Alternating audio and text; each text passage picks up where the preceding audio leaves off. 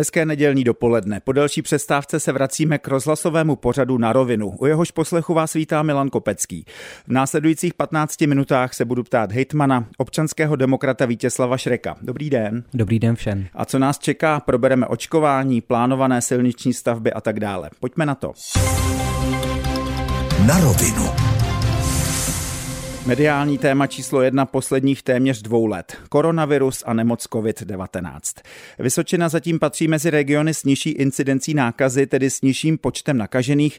Ta čísla se ale mohou kdykoliv změnit. Vy máte, pane hejtmane, přístup k aktuálním počtům pozitivních osob. Jak na tom Vysočina v tuto chvíli je? Jsme na tom porovnání s ostatními kraji eh, stále o něco lépe, to znamená u nás ta čísla přibývají, eh, když vezmu ta celková čísla, kde už se dostáváme na 10 tisíc denně přírůstků, tak u nás se to pohybuje pořád kolem 200-300 eh, nově nakažených denně. To znamená, ta situace není nijak dramatická, odpovídá tomu i situace v nemocnicích. Ono se to řeší po okresech. Který okres má nejblíž k těm, řekněme, červeným číslům? Ono je to hodně proměnlivé, u nás ty okresy jsou poměrně vyrovnané, ale eh, v tuto chvíli si myslím, že to stoupá na Jihlavsku. V souvislosti s nemocí COVID-19 se očkuje, očkuje se de facto od začátku letošního roku. Nejprve byl enormní zájem a nebyly vakcíny, později byly vakcíny a zájem výrazně klesl. Aktuálně zájem o očkování zase roste vzhůru, testy se musí od začátku listopadu platit, pokud nejsou indikované hygienou nebo lékařem. Těší vás ty fronty u očkovacích míst? My jsme se snažili opravdu eh, od začátku eh, maximálně přiblížit očkování lidem a nabídnout jim ho. To, že v létě nebyl zájem, eh, nás ale neodradilo, aby jezdil i nadále očkovací tým v tom mobilním karavanu. Myslím si, že to byla dobrá varianta pro Vysočinu, využilo toho spoustu lidí. To, že dnes jsou fronty, rozumím tomu, proto jsem i nabádal několikrát, že pořád si myslím, že je snadnější, než se nechat očkovat tou neregistrovanou registrovanou formou, tak se řádně zaregistrovat. Je to opravdu pořád v řádech dnů a ten, kdo se skutečně rozhodl, že se nechá ještě nově naočkovat, tak si myslím, že když toho využije, bude to mít jednodušší. Říkáte, bude to mít jednodušší. V čem to bude mít jednodušší? Bude to mít jednodušší, že se zkrátka zaregistruje, dostane termín a nebude stát nikde žádnou velkou frontu, což u těch neregistrovaných míst samozřejmě se ta fronta drží, ti lidé nemají registraci na ten určitý čas. Často se mluví také o takzvaném mandatorním neboli povinném očkování v různých sférách společnosti. Ku příkladu v západních státech Evropy je povinné očkování ve zdravotnictví, v sociálních službách.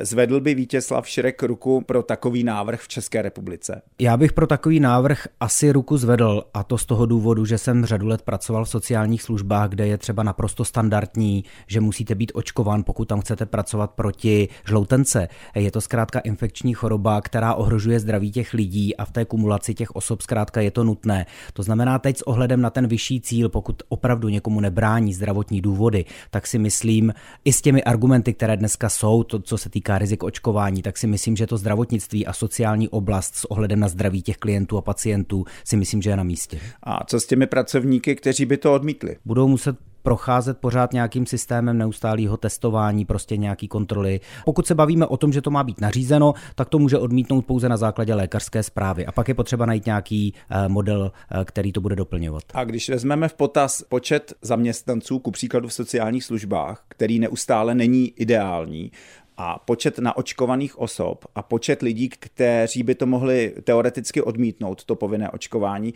myslíte si, že stále budou sociální služby fungovat tak, jak fungují, nebo se dostanou do dalšího problému? Jestli se bavíme o personálním problému, tak samozřejmě to riziko tady je a je potřeba s ním počítat. Na tu druhou stranu eh, těch vach, na tu misku je potřeba prostě dát ta rizika. To znamená, já jsem v období, kdy skutečně pandemie prolítla domovy pro seniory, tak já jsem u toho byl a vím skutečně, kolik lidí zemřelo a myslím si, že to je potřeba zvážit ze všech úhlů pohledu. V souvislosti s očkováním se neustále přepočítávají lidé v nemocnicích, očkovaní, neočkovaní.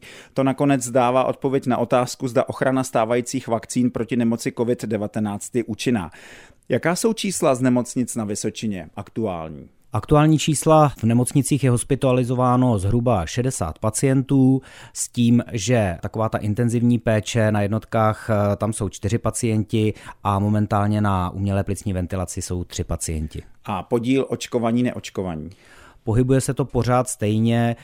Z těch původně 80% neočkovaných vůči 20 je to dneska tak jedna ku dvěma, to znamená dvě třetiny jsou lidé bez očkování a jedna třetina lidí jsou lidé s očkováním, často dokončeným očkováním. Je nutno však říci, že velké množství těchto lidí spadá do těch kategorií vyšších ročníků, to znamená, jsou to starší lidé, u kterých evidentně se ukazuje, že po očkování ten, ta imunitní obrana toho organismu se zkrátka snižuje rychleji než třeba u těch mladších lidí nebo lidí zcela zdravých.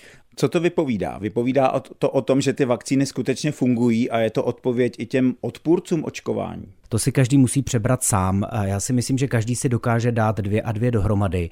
A pokud se skutečně chce podívat na ta data nějak racionálně, tak musí dojít k tomu, že očkování pomohlo tomu, že ta pandemie se zastavila. To, že se znovu teď šíří, především, že se začala šířit mezi těmi neočkovanými, protože tam skutečně ze začátku bylo 90% nákazy a že se šíří dál, je potřeba prostě přijmout jako fakt. Já si myslím, že nikdo nemá křišťálovou kouli, nikdo nevidí do budoucnosti, ale je potřeba se opravdu věnovat tomu, jaká rizika ty jednotlivé, ty jednotlivé varianty mají a při, přiblížit se k tomu s pohledem nějakého vyššího cíle, který nás přece jako společnost spojuje. Pojďme si ještě udělat trochu pořádek v těch pojmech. Stávající vláda zavedla určitou terminologii a ku příkladu člověk přijde do restaurace a číšník po něm chce doklad o bezinfekčnosti. A on mu ukáže aplikaci tečka v mobilu, že je očkován a číšník řekne OK, jste bezinfekční, ku příkladu. Je doklad o očkování skutečně dokladem o bezinfekčnosti? Určitě není. Myslím si, že to je nějaká terminologie, která je u nás zažitá, tak jako když děti jedou na tábor, tak dokládají papír, že předtím byli u lékaře a že zrovna nejsou nemocní. Prostě doklad o bezinfekčnosti de facto eh, je nesprávný. A není to úkol pro novou vládu změnit třeba tady tu terminologii? Já si myslím, že úkol vlády je obecně e, srozumitelně podávat ty informace e, všem občanům. Myslím si, že by to mělo mít řád, myslím si, že by, byť rozumím tomu, že se to i v čase vyvíjí e, celá ta situace, tak by ale opravdu neměli skokově skákat ode zdi ke zdi. Já mám pocit, že opravdu jako Česká republika právě ode zdi ke zdi skáčeme a že to nemůže působit dobře. Ti lidé potom nemají důvěru. Je potřeba to vysvětlovat a srozumitelně a jednoduše říká hejtman Vysočiny občanský demokrat Vítězslav Šrek v pořadu na rovinu. Na rovinu. Tady je Český rozhlas Vysočina a pořad na rovinu, kde se ptáme hejtmana Vítězslava Šreka. Další téma. Zdražování energií. Je to patrně z několika důvodů, ale ceny elektřiny a plynu jsou vysoké. Plyn za letošek zdražil o více než 300%, elektřina řádově o desítky. K tomu jde nahoru cena benzínu a nafty kraj domácnostem pomoci nemůže, má ale pod sebou desítky zřizovaných organizací. Vysvětlete mi prosím, pane hejtmane, jak řešíte dodávky plynu a elektřiny pro úřad a organizace? Na jednou nebo separátně jak? Samozřejmě to soutěžíme, to znamená nakupujeme hromadně, jak pro krajský úřad a všechny jeho objekty a budovy, tak pro příspěvkové organizace, kterých je zhruba, co se týká eh, plynu, tak 80. Eh, v případě elektřiny nakupujeme pro 88 našich organizací. Předpokládám, že vaším dodavatelem nebyla společnost Bohemia Energy. Bůh zaplať nebyla. Jaké ceny jste vysoutěžili tedy pro příští rok? Jak, o kolik jsou navýšené? My jsme ještě nevysoutěžili všechno. Eh, musím říct, že jsme eh, vysoutěžili eh, dodávku plynu, kde si myslím, že jsme docela spokojeni, protože jsme se dostali, nebo v tom příštím roce se dostaneme zhruba na 1,5 násobek ceny, kterou jsme za plyn platili v letošním roce. Co se týká elektřiny, tam jsme sice vysoutěžili, bohužel dodavatel, který tu soutěž vyhrál, tak s námi nakonec nepodepsal smlouvu, protože s velkou pravděpodobností neměl tolik elektřiny, takže soutěžíme v tuto chvíli na cenu.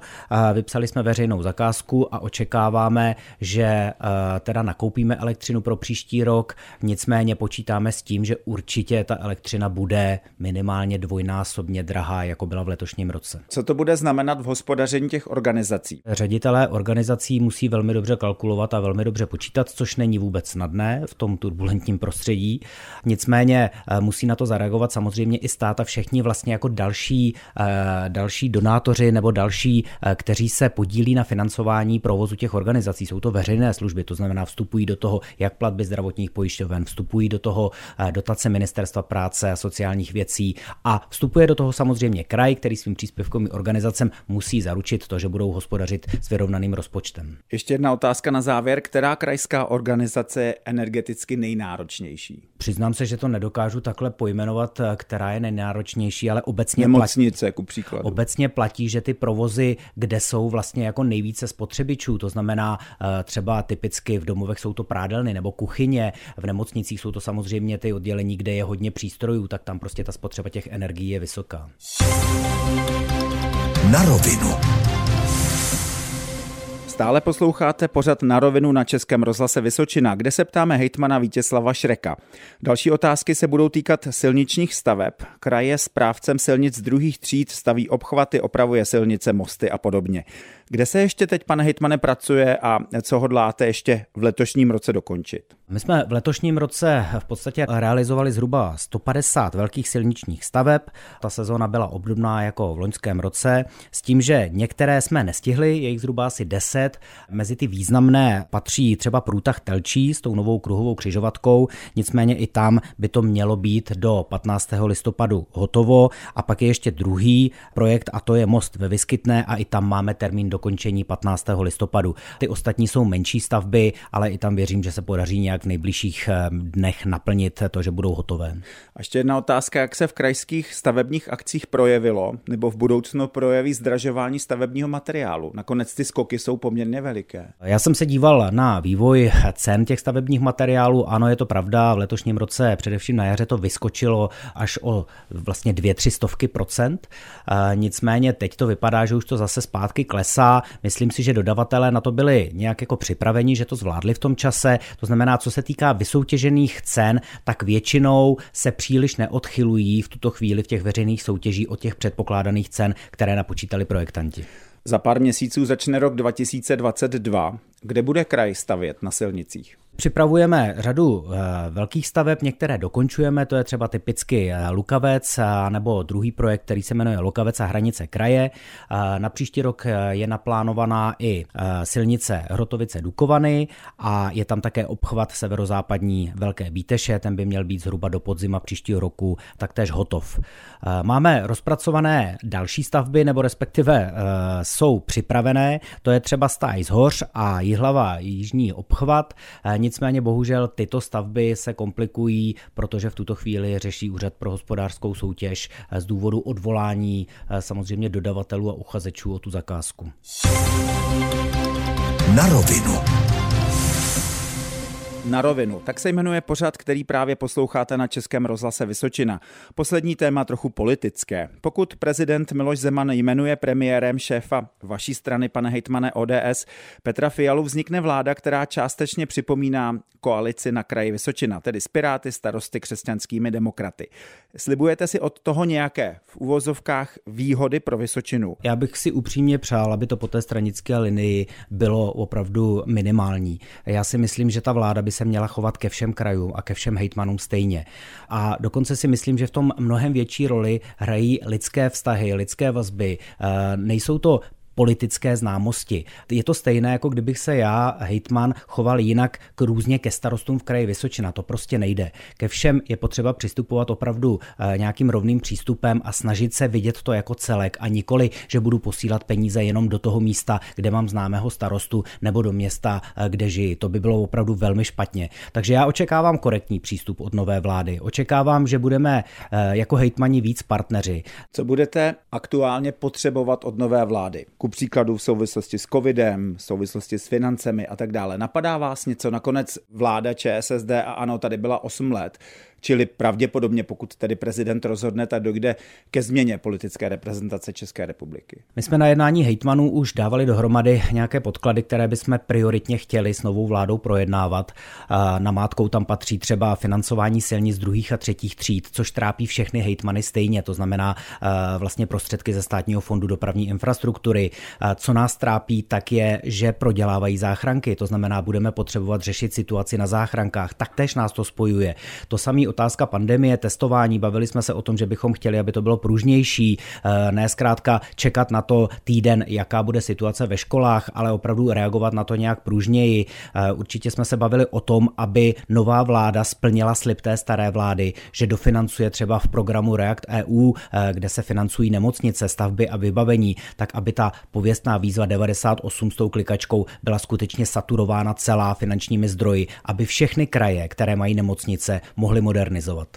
Takové bylo listopadové na rovinu. Hejtman Vítězslav Šrek byl mým hostem. Díky a naslyšenou. Pěknou neděli přeji všem posluchačům. Loučí se a za pozornost děkuje také Milan Kopecký.